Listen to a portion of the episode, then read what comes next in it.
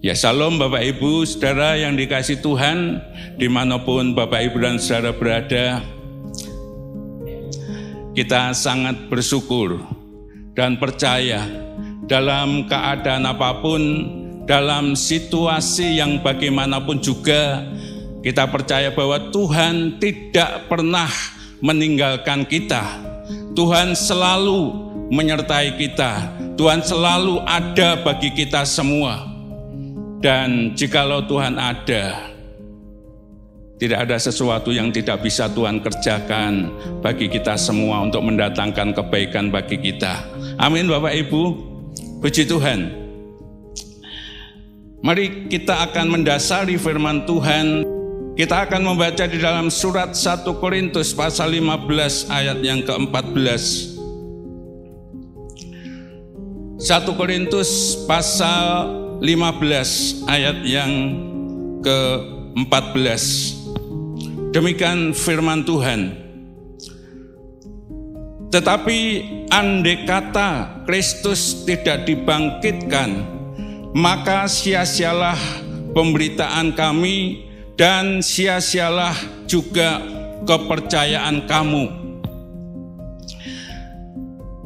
Jikalau Tuhan Yesus tidak dibangkitkan, maka sia-sialah iman kita, sia-sialah kepercayaan kita. Tetapi yang terjadi dan sebenarnya adalah bahwa Kristus telah bangkit. Dan ketika Kristus telah bangkit, menjadi jaminan bagi kita semua bahwa ada hari esok bagi kita. Maka firman Tuhan pada saat ini saya beri satu judul sebab Tuhan Yesus hidup. Ada hari esok. Bapak Ibu dan Saudara yang dikasih Tuhan, minggu yang lalu kita sudah merayakan Paskah, yaitu kebangkitan Tuhan Yesus Tiga hari sebelumnya, hari Jumat, kita telah memperingati kematian Tuhan Yesus di atas kayu salib. Semua Tuhan kerjakan karena begitu besar kasih Allah kepada kita semua. Sebagaimana yang dikatakan di dalam Injil Yohanes pasal 3 ayat 16. Karena begitu besar kasih Allah bagi umat manusia, bagi dunia ini. Maka ia mengaruniakan putranya yang tunggal. Setiap orang yang percaya kepadanya tidak akan binasa, melainkan akan beroleh hidup yang kekal. Dan hal ini adalah satu kebenaran. Kebangkitan Tuhan Yesus adalah wujud dari penggenapan apa yang dikatakan oleh Tuhan. Kematian Tuhan Yesus adalah kebenaran yang hakiki yang sudah Tuhan genapi di dalam setiap rencana-rencananya. Sebab bukan satu hal yang kebetulan. Kalau Tuhan Yesus lahir ke dunia ini, kemudian harus menderita dan akhirnya mati di atas kayu salib dan kemudian pada hari yang ketiga bangkit dari kematiannya, pada hari yang ke-40 mikrat ke surga. Itu bukan satu hal yang kebetulan, tetapi itu sudah direncanakan Tuhan, sudah difirmankan oleh Tuhan, sudah dinubuatkan oleh para nabi-nabi, hamba-hambanya melalui kebenaran-kebenaran firman-Nya. Bahkan sejak zaman kejadian, hal itu sudah disampaikan oleh Tuhan.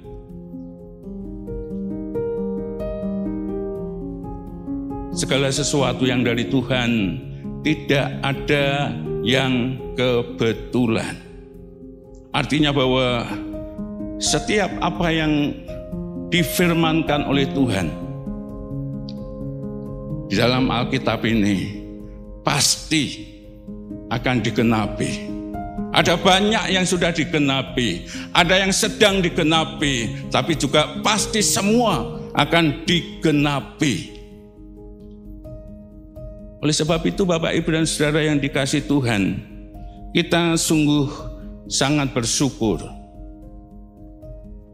memiliki pedoman hidup yang bukan hanya cerita, yang bukan hanya fiksi, tetapi ini adalah firman Tuhan yang pasti akan tergenapi di dalam setiap kehidupan kita orang yang percaya kepadanya. Bapak, Ibu, dan Saudara yang dikasih Tuhan, dalam peristiwa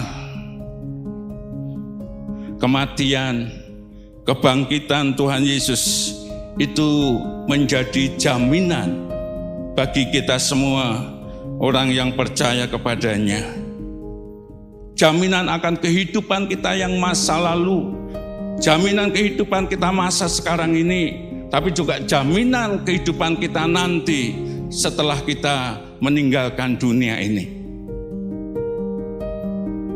Semua dinyatakan di dalam setiap kehidupan kita. Bahwa melalui kematian Tuhan Yesus di atas kayu salib,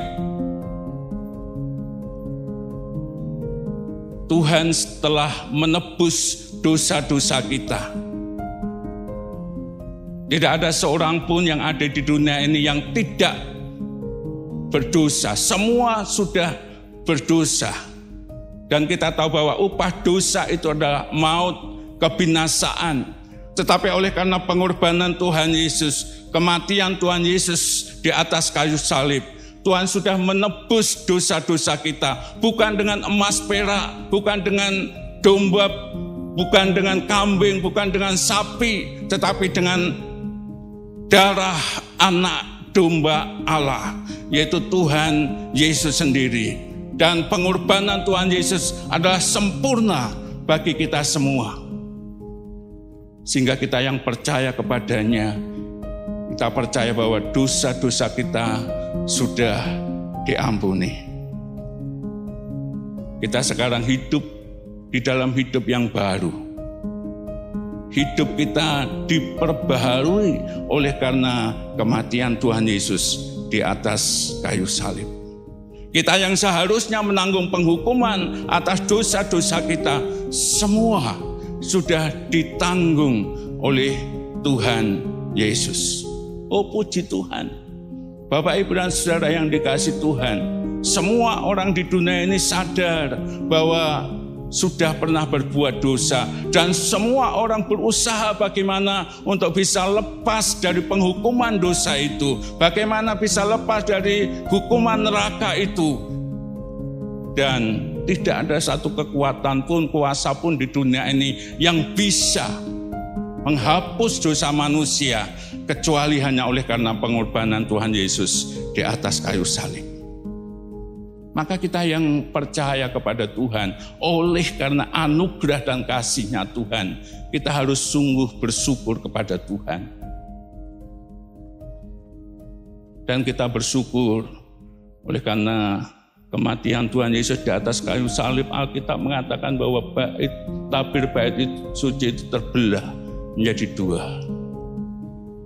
dari atas ke bawah. Sehingga kita yang tadinya menjadi seteru Allah karena dosa-dosa kita. Tapi oleh pengorbanan Tuhan Yesus, bukan saja dosa kita diampuni oleh Tuhan, penghukuman kita yang seharusnya kita tanggung sudah ditanggung oleh Tuhan Yesus, tetapi kemudian kita diperdamaikan dengan Tuhan, persekutukan dengan Tuhan. Sehingga memungkinkan bagi kita semua untuk bisa masuk di dalam kemuliaan Allah. Kita bisa masuk di dalam ruang maha kudus. Dan di situlah kita boleh menghampiri tahta kasih karunia yang daripada Tuhan dan kita selalu mendapatkan pertolongan demi pertolongan yang daripada Tuhan pada waktunya. Pada waktu kita membutuhkan pertolongan Tuhan, maka Tuhan pasti akan memberikan pertolongannya kepada kita. Itu yang Tuhan berikan kepada kita semuanya, Bapak, Ibu, dan saudara yang dikasih Tuhan. Dan dengan kebangkitan Tuhan Yesus, banyak hal yang kita peroleh oleh karena kebangkitan Tuhan Yesus. Tuhan Yesus bangkit, maut sudah dikalahkan. Artinya sekalipun maut itu masih ada, tetapi tidak lagi berkuasa atas setiap kehidupan kita yang percaya kepada Tuhan. Karena kebangkitan Tuhan Yesus dan segala kuasa baik di surga maupun di bumi sudah diberikan kepada Tuhan. Dan ketika Tuhan akan mikrat ke surga, Tuhan memberikan kuasa itu pada waktu itu kepada murid-muridnya. Tetapi melalui roh kudus Tuhan berikan itu kepada orang yang percaya kepadanya. Artinya bahwa kebangkitan Tuhan Yesus. Maut sudah dikalahkan, kuasa itu diberikan kepada kita yang percaya kepadanya. Sehingga ketika kita harus menghadapi berbagai-bagai tantangan, masalah, persoalan di dalam kehidupan ini, kita tidak takut. Karena kita memiliki kuasa yang daripada Tuhan Tetapi lebih daripada itu Bapak Ibu dan Saudara yang dikasih Tuhan. Tuhan Yesus yang telah bangkit. Itu merupakan yang sulung bagi kita. Dan nanti kita pun akan dibangkitkan pada waktunya. Kita dibawa masuk di dalam kemuliaan Bapa di dalam surga oleh Tuhan. Karena firman Tuhan mengatakan, akulah jalan dan kebenaran dan hidup. Tidak ada seorang pun yang bisa sampai kepada Bapa jikalau tidak melalui aku. Tuhan Yesus tidak mati terus mati tetapi Tuhan Yesus bangkit. Pada saatnya nanti Tuhan akan menjemput kita. Membawa kita masuk di dalam kemuliaan Bapa. Dan sekarang di dalam Injil Yohanes pasal 14 ayat 1 sampai 3 dikatakan, jangan takut, jangan khawatir. Sekarang aku sedang menyediakan tempat bagimu. Dan jikalau nanti sudah waktunya aku akan datang kembali membawa engkau masuk di dalam kemuliaan Bapa. Sehingga di mana aku ada, engkau juga ada.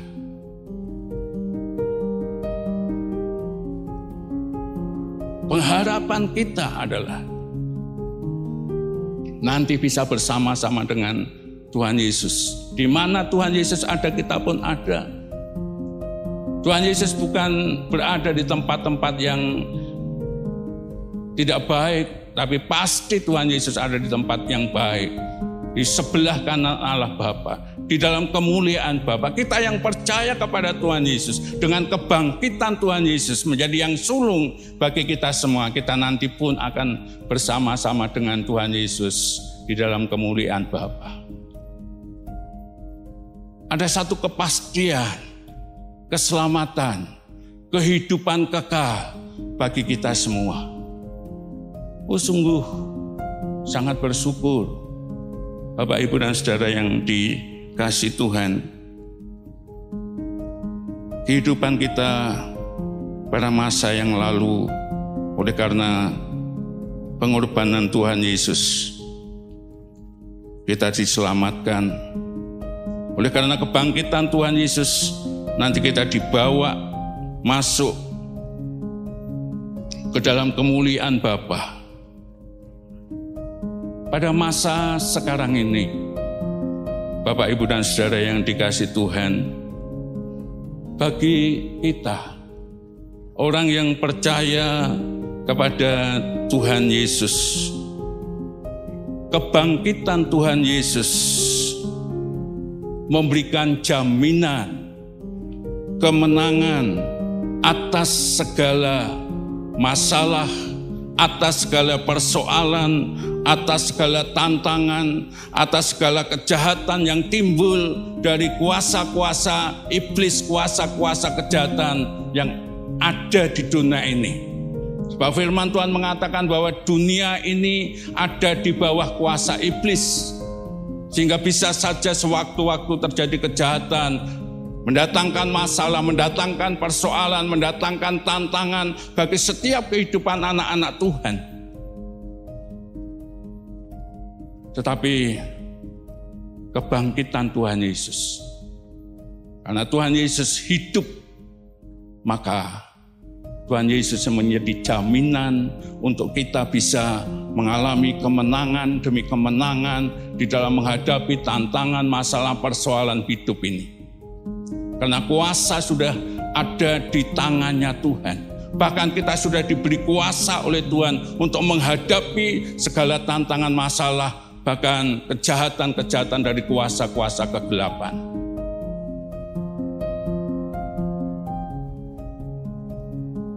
Kita orang yang percaya kepada Tuhan, Tuhan tidak menjanjikan, kalau kamu percaya kepadaku, maka semua hidupmu akan berjalan dengan baik, semua hidupmu akan berjalan dengan lancar, semua hidupmu tidak akan ada masalah, tidak ada persoalan, tidak ada tantangan. Oh tidak, sebab kita masih ada di dalam dunia ini.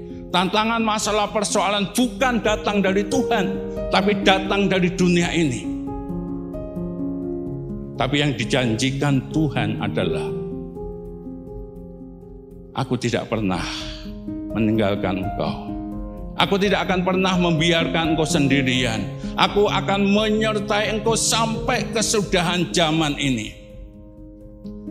Dan penyertaan Tuhan Yesus, Allah yang maha kuasa, yang sudah bangkit dari kemenangan, yang sudah mengalahkan maut itu, yang menjadi jaminan bagi kita untuk kita bisa mampu sanggup untuk menghadapi segala tantangan masalah persoalan sebesar apa pun, sekuat apa pun juga.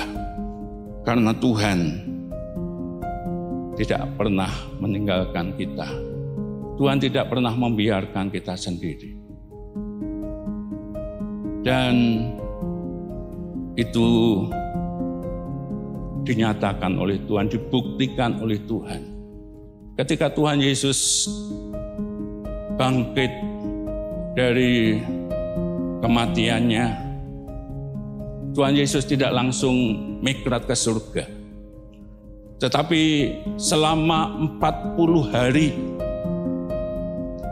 Tuhan menampakkan diri kepada murid-murid Tuhan Yesus pada waktu itu. Tuhan tidak langsung meninggalkan mereka, tapi Tuhan menampakkan diri kepada murid-muridnya. Murid-murid yang saat itu sedang menghadapi berbagai-bagai persoalan di dalam hidupnya. Ada yang mengalami ketakutan. Ada yang kemudian kecewa dan kembali ke tempat asalnya. Ada yang kehilangan sukacitanya Ada yang mengalami ketidakberhasilan, kegagalan di dalam hidupnya. Ada yang kehilangan visi hidupnya. Tetapi kehadiran Tuhan Yesus di dalam kehidupan murid-murid pada waktu itu mengubah semua keadaan yang sedang dihadapi oleh murid-muridnya. Pada waktu perempuan-perempuan Hari pertama minggu itu datang ke kubur Tuhan Yesus. Maksudnya ingin merempah-rempahi tubuh Tuhan Yesus.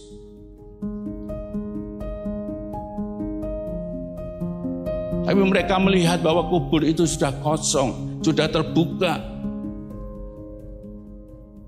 Mereka ketakutan, jangan-jangan dicuri, jangan-jangan dan lain sebagainya. Mereka ketakutan. Tetapi Tuhan Yesus menemui mereka. Jangan takut. Aku ini. Sehingga mereka memberitahukan kepada murid-murid yang lain. Dan murid-murid yang lain pun terkejut. Petrus kemudian lari ke kubur dan melihat bahwa kubur sudah kosong. Tengah malam mereka sedang bersekutu. Saya sangat percaya mereka dalam keadaan khawatir juga, bingung juga. Belum memahami apa yang terjadi Sekalipun Tuhan sudah mengatakan kepada mereka, tetapi karena hatinya diliputi dengan ketidakpastian, maka malam hari itu juga Tuhan datang kepada murid-muridnya. Apa yang dikatakan Tuhan? Damai sejahtera bagi kamu. Kemudian Tuhan Yesus menunjukkan tangannya yang berlubang paku. Lambungnya bekas tusukan tombak. Dan ketika murid-murid tahu bahwa yang datang itu adalah Tuhan. Kemudian mereka yang tadinya kehilangan sukacita, kemudian mereka bersukacita luar biasa hatinya diubahkan oleh Tuhan. Yang tadinya berduka cita, yang tadinya bingung, kemudian diubah oleh Tuhan oleh karena damai sejahtera yang diberikan Tuhan kepada mereka sehingga mendatangkan sukacita yang luar biasa sekalipun di tengah-tengah masa-masa yang seperti itu kita bisa membayangkan tapi hati mereka bersukacita dua orang murid Tuhan Yesus. Salah satunya adalah Leopas. Dia kemudian telah tahu bahwa kubur Tuhan Yesus sudah kosong. Apa yang diharapkan sudah tidak lagi bisa diharapkan. Murid-murid Tuhan Yesus sebetulnya menginginkan bahwa Tuhan Yesus menjadi pemimpin bangsa Israel. Memang Tuhan Yesus adalah menjadi pemimpin bangsa Israel, tapi dalam skop yang berbeda. Apa yang dipikirkan oleh murid-murid Tuhan Yesus tidak seperti apa yang dikehendaki oleh Tuhan Yesus sendiri. Maka kedua muridnya ini kembali ke kampung halamannya. Tapi di tengah perjalanan mereka sedang mempercakapkan tentang Tuhan. Dan Tuhan hadir di tengah-tengah mereka. Sampai akhirnya menyadari bahwa oh itu adalah Tuhan. Dan mereka segera kembali menemui murid-murid yang lain. Mereka yang sudah patah semangat, putus asa, dikuatkan kembali oleh Tuhan, dibangkitkan kembali semangatnya oleh Tuhan. Ketika Thomas mendengar tentang semuanya itu. Thomas pun masih bimbang, belum percaya. Benarkah Tuhan Yesus bangkit? Tapi Tuhan Yesus itu sungguh sangat mengerti apa yang terjadi di dalam setiap kehidupan murid-muridnya pada waktu itu. Petrus, eh, Thomas sedang bimbang. Maka kemudian di lain kesempatan ketika murid-murid berkumpul beserta dengan Thomas, Tuhan Yesus menampakkan kembali, hadir kembali di tengah-tengah mereka. Apa yang dikatakan Tuhan Yesus sama, damai sejahtera bagimu. Dan Tuhan Yesus menunjukkan kembali tangannya, lambungnya yang berlubang dan berkata kepada Thomas, mari silahkan Thomas, cucukkan jarimu ke tanganku, ke lambungku. Tujuannya apa?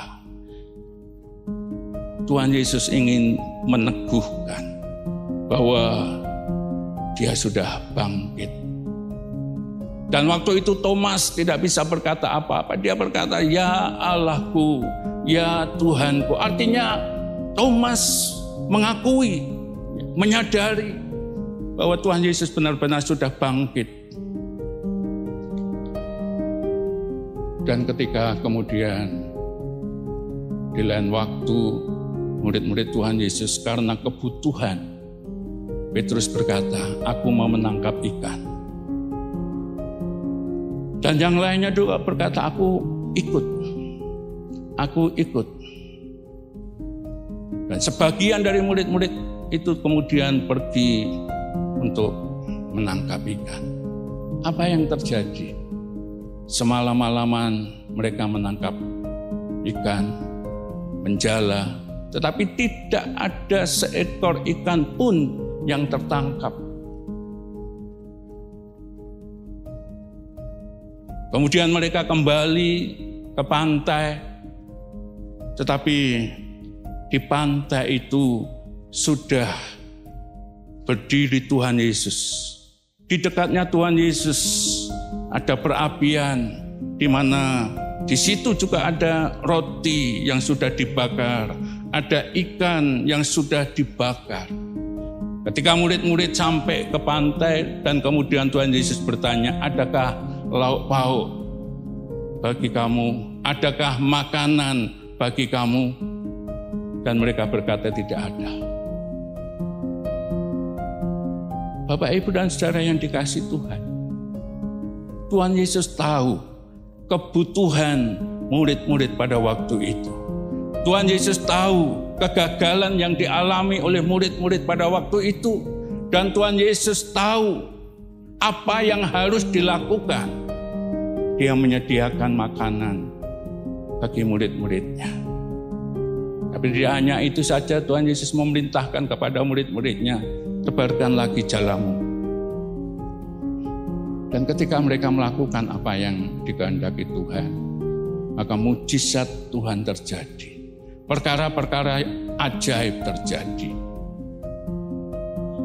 Setelah mereka makan, kenyang, Tuhan Yesus membangun kembali visi hidup mereka ke depan. Kepada Petrus Tuhan Yesus berkata, Hai Petrus, apakah engkau mengasihi aku? Mengapa? Tuhan Yesus bertanya seperti itu. Karena Tuhan Yesus tahu Petrus pernah menyangkal Tuhan Yesus. Petrus pernah meninggalkan Tuhan Yesus. Maka pertanyaan Tuhan Yesus adalah apakah engkau mengasihi aku? Dan Petrus yang sudah menyadari keadaannya, dia berkata, aku mengasihi engkau Tuhan dan Tuhan mempercayakan, gembalakanlah domba-dombaku.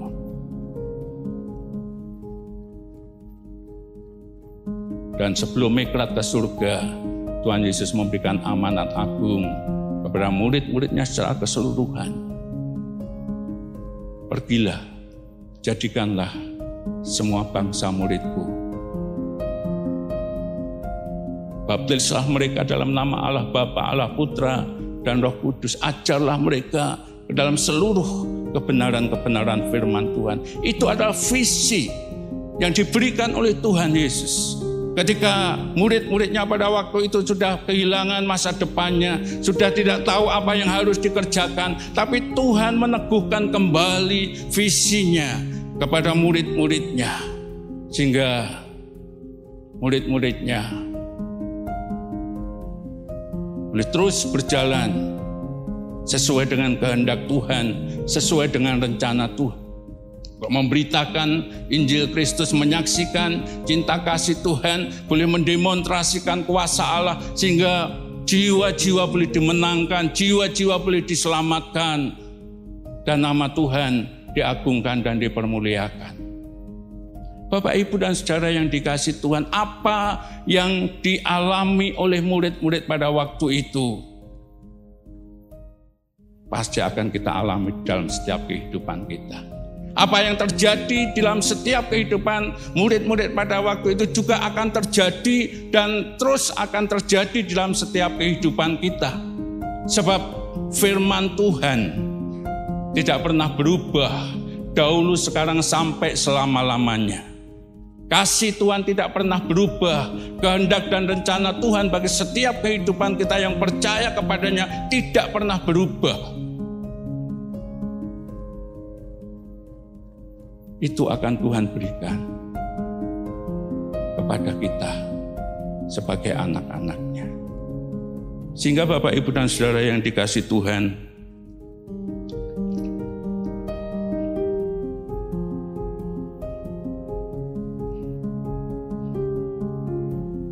di dalam menghadapi kehidupan kita pada masa-masa sekarang ini. Di mana COVID-19 virus corona sedang melanda bangsa-bangsa. Hampir seluruh bangsa-bangsa yang ada di muka bumi ini terkena dampak virus 19 COVID-19 virus corona tidak terkecuali juga bangsa kita Indonesia Sampai hari ini dampak dari virus itu belum reda. Kalau Bapak Ibu memperhatikan apa yang disampaikan oleh juru bicara pemerintah, maka tiap hari masih ada yang ter konfirmasi positif COVID-19. Tiap hari masih ada yang meninggal oleh karena COVID-19. Sekalipun kita bersyukur sekarang yang meninggal dan yang sembuh sudah lebih banyak yang sembuh. dan dampak yang ditimbulkan oleh virus ini sungguh sangat luar biasa. Boleh dikatakan semua terdampak oleh virus ini. Selain yang terdampak sehingga mengalami sakit, tapi juga berdampak di bidang-bidang lainnya. Di bidang ekonomi, di bidang pendidikan, anak-anak tidak bisa menempuh pendidikan seperti biasanya. Di bidang usaha, Bapak Ibu yang punya usaha, usahanya menjadi menurun.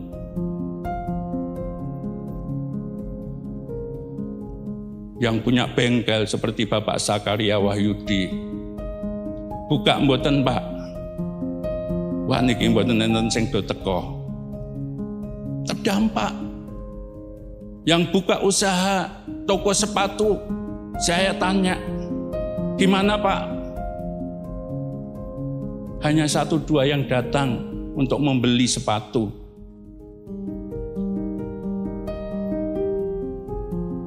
Yang usaha mandiri jual bakso, jual bakmi, semua terdampak.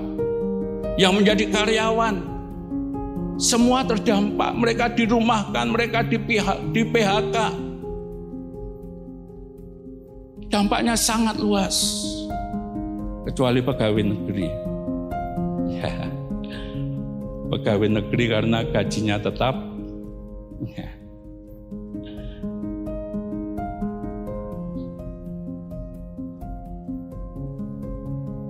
dicokot talot. Dicokot talot itu ya. Artinya sekalipun ya sedikit masih ada sing dijaga ke. Ya. Yang sudah pensiun juga begitu. Sekalipun harga-harga merangkak naik, tapi paling tidak masih ada yang dijaga. Eh. Kemarin ada seorang ibu yang ngebel. Pak, tabungan kulo teng kaum wanita kulo pendet riyin nggih. Niki dodolane seminggu pun prei. Dia bukan yang punya apa ini usaha tapi dia ikut di situ. Lah kula pun boten gadah harta tinggi tumbas maam. Ajeng wangsul pun boten nintuk ditutup.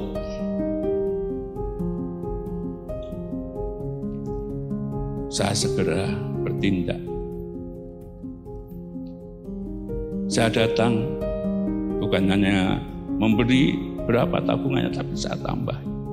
Ditambah Bapak Ibu dan Saudara yang dikasih Tuhan ini dampak yang sangat nyata. Oleh karena COVID-19 virus corona yang sekarang ini sedang mewabah termasuk juga di Indonesia kita tidak mungkin bisa mengatasi semuanya sendiri. Ya. Kita tidak bisa menghadapinya dengan kekuatan, kemampuan kita sendiri. Sebab banyak orang yang tiba-tiba tanpa ada gejala kemudian bisa terpapar dengan virus corona ini. Apa yang bisa kita lakukan? Memang pemerintah sudah menganjurkan hal-hal supaya virus ini tidak menyebar ke mana-mana. Tapi toh dengan itu masih juga virus ini menyebar.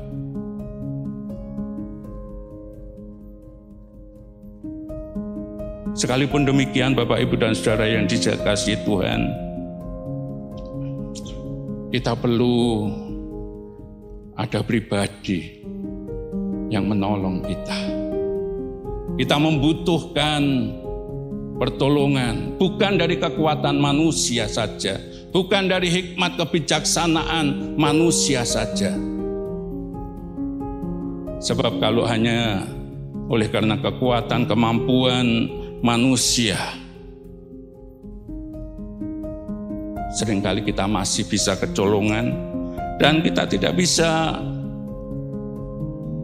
mendapatkan hasil yang maksimal. Di dalam kitab Mazmur pasal yang ke-127 ayat yang pertama dikatakan Jikalau bukan Tuhan yang membangun rumah, sia-sialah usaha orang yang membangunnya. Jikalau bukan Tuhan yang mengawal kota, sia-sialah pengawal berjaga-jaga.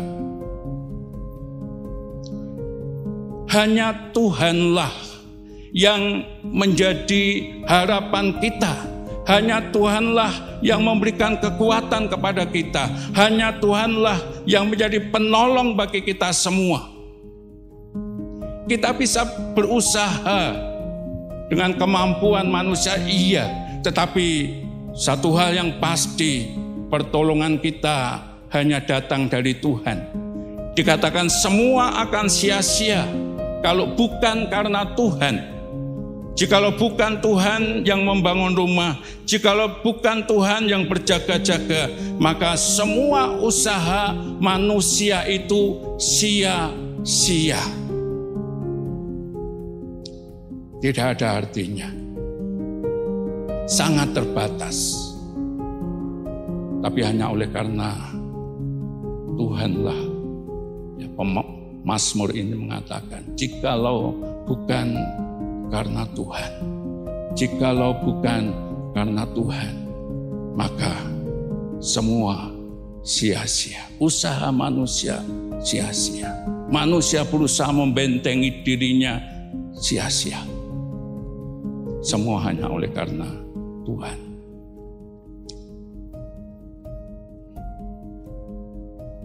Semua hanya oleh karena Tuhan. Bapak, Ibu, dan Saudara yang dikasih Tuhan, kalau kita belajar dari Alkitab, ya, kita boleh menyadari, mengerti bahwa kalau bukan karena Tuhan, maka semua usaha manusia itu akan sia-sia. Bangsa Israel ketika harus berjalan di padang gurun selama 40 tahun untuk mengalami penggenapan yang daripada Tuhan. Diperhadapkan dengan berbagai-bagai tantangan-tantangan yang tidak ringan, yang tidak mungkin dengan kekuatan, kemampuan manusia bisa. Tapi hanya oleh karena Tuhan. Bagaimana bisa menghadapi tentara Israel, eh, tentara Mesir yang pada waktu itu mengejar. Mereka lari, di hadapannya terbentang laut Tiberau. Di belakangnya tentara-tentara Mesir mengejar. Apa yang bisa dilakukan oleh bangsa Israel pada waktu itu? Maju, masuk ke laut. Berdiri di tepi laut, di belakang sudah dikejar oleh tentara Mesir. Tuhan bertindak, menyatakan pertolongannya, menyatakan kuasanya. Yang sudah jalan buntu bagi manusia, bagi Tuhan selalu ada jalan keluar. Yang tidak mungkin bagi manusia, selalu mungkin bagi manusia. Yang mustahil bagi manusia, tidak mustahil bagi Tuhan melalui Musa yang memimpin bangsa Israel. Tuhan katakan, acungkan tongkatmu ke laut. Maka laut itu terbelah. Bangsa Israel selamat. Ketika menghadapi cuaca yang begitu ekstrim, kalau siang panas luar biasa, kalau malam dingin luar biasa, Bangsa Israel sudah bersungut-sungut, kenapa seperti ini? Tapi Musa datang kepada Tuhan dan Tuhan menyatakan pertolongannya. Kalau siang Tuhan mengirim tiang awan, kalau malam Tuhan kirim tiang api.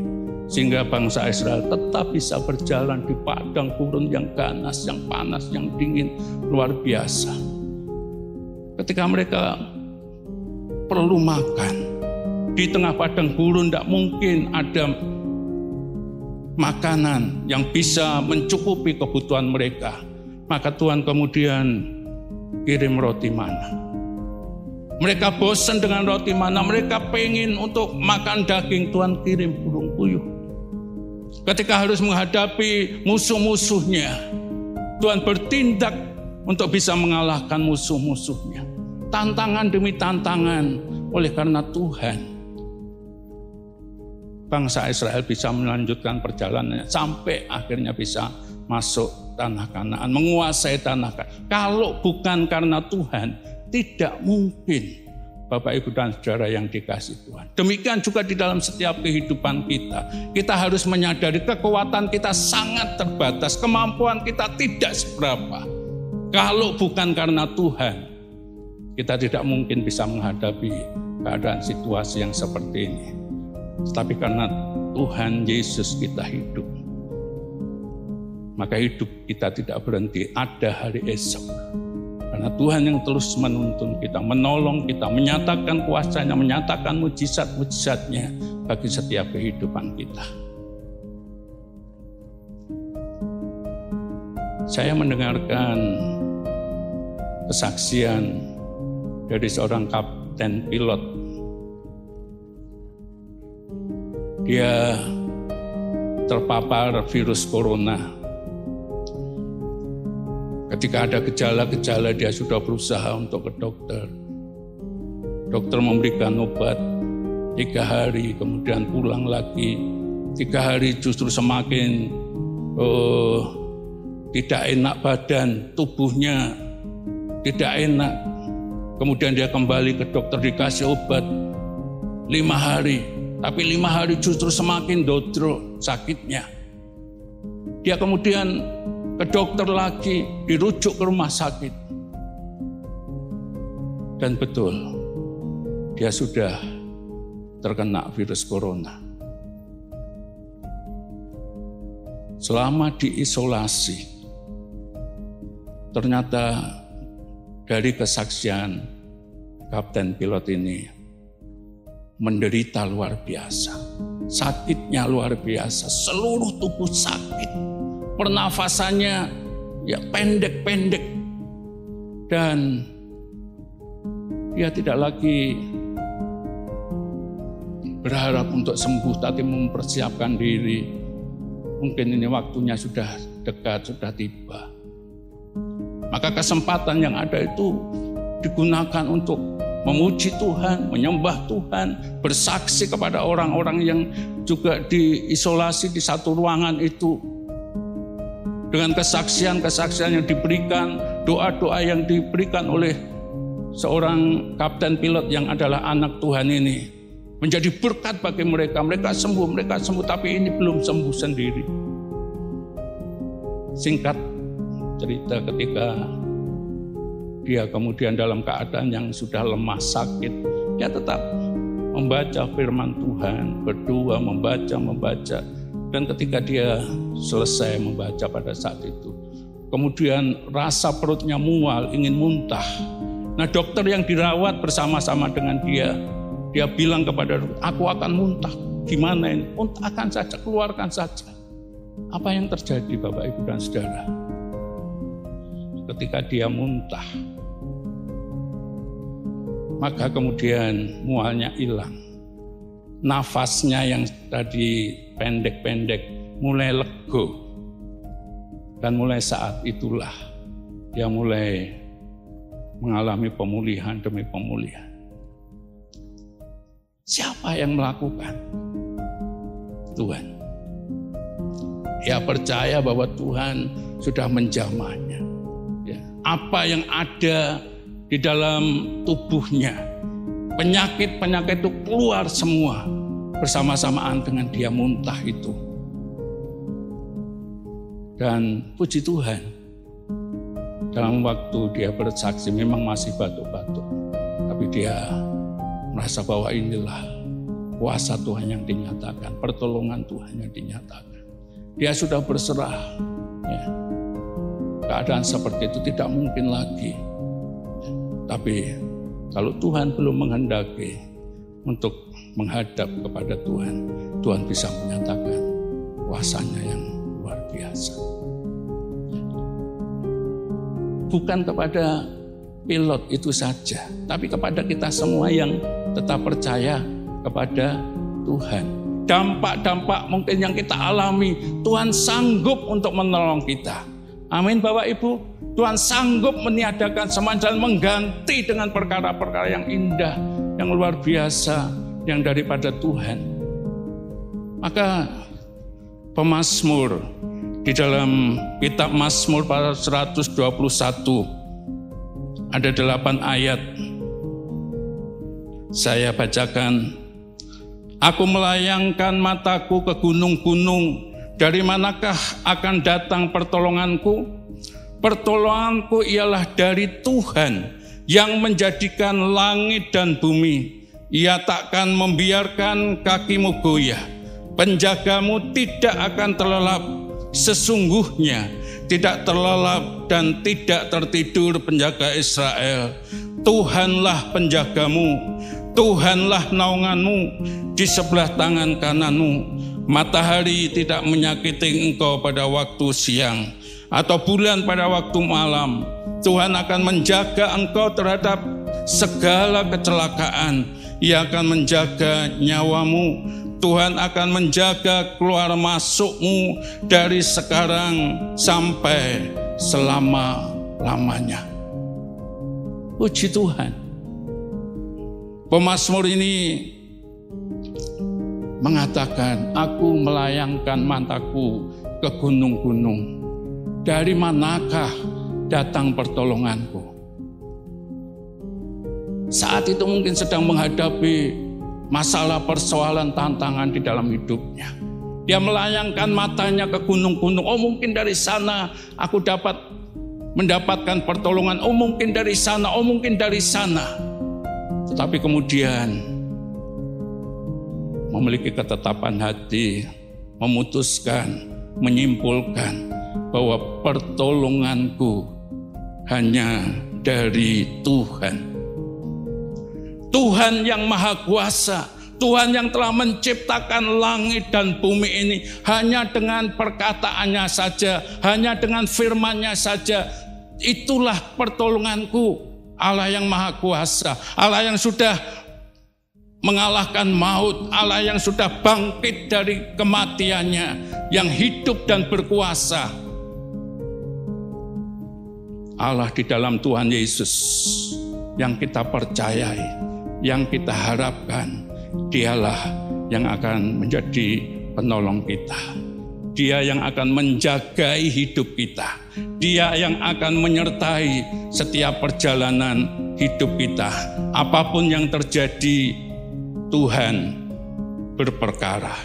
Tuhan bertanggung jawab atas setiap kehidupan kita. Amin Bapak Ibu. Hidup kita ini bukan milik kita sekarang Hidup kita adalah milik Tuhan. Dan kita sangat percaya Tuhan sangat bertanggung jawab terhadap setiap kehidupan kita. Tuhan tidak membiarkan kita sendiri tadi saya katakan Tuhan tidak meninggalkan kita tapi Tuhan senantiasa menyertai di dalam setiap perjalanan kehidupan kita. Oleh sebab itu baik dalam keadaan apa pun juga jangan pernah takut. Sebab ada Tuhan yang Immanuel senantiasa menyertai kita nunggil wonten ing gesang kita sedaya. Tuhan yang Ebenezer yang pertolongannya sudah dinyatakan sangat teruji bukan saja hari ini tetapi hari esok lusa dan seterusnya sampai kepada akhir zaman. Maka Bapak Ibu dan Saudara yang dikasih Tuhan, kalau Tuhan begitu setia kepada kita, setia dengan janji-janji, setia dengan kebenaran-kebenaran firman-Nya, mari kita juga menjadi anak-anak Tuhan yang setia. Ya, kita menjadi anak-anak Tuhan yang setia, sungguh-sungguh di dalam mengikut mengiring Tuhan. Mari kita membangun hubungan yang intim dengan Tuhan. Bagaimana kita bisa membangun hubungan yang intim dengan Tuhan? Ya semakin mendekatkan diri kepada Tuhan melalui doa, melalui pujian penyembahan, terus membaca firman Tuhan, merenungkannya, mempercayainya, dan melakukannya di dalam setiap kehidupan kita. Dikatakan bahwa Tuhan itu hanya sejauh doa. Amin. Ketika kita berdoa berarti kita sedang membangun hubungan dengan Tuhan. Tuhan bertahta di atas pujian umatnya. Ketika kita memuji menyembah kepada Tuhan berarti kita sedang membangun keintiman dengan Tuhan. Ketika kita membaca firman Tuhan, merenungkannya, mempercayainya, berarti kita sedang ada di dalam Tuhan. Mari kita nempel terus kepada pokok anggurnya yaitu Tuhan Yesus. Agar supaya kita senantiasa memperoleh aliran-aliran kehidupan yang daripada Tuhan. Sehingga kita tetap bisa hidup, bertumbuh, berkembang, bahkan di tengah-tengah keadaan apa pun juga kita bisa berbuah-buah dengan lebatnya. Amin Bapak Ibu. Puji Tuhan. Tuhan memberkati kita sekalian. Amin.